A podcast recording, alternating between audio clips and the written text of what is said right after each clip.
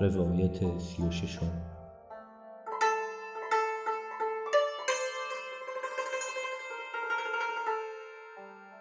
حکمت از بهشت می آید با هفتاد هزار فرشته همراهش شهر به شهر و کوی به کوی می گردد خانه اش را می جوید آی ای جوانمرد آیا تو می دانی خانه حکمت کجاست؟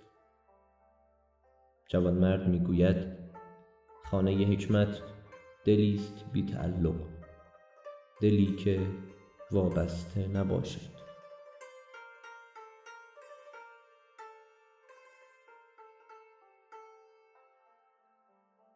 حکمت در چنین دلی مقیم می شود و به فرشته هایش می گوید بازگردید که من خانه خویش را یافتم.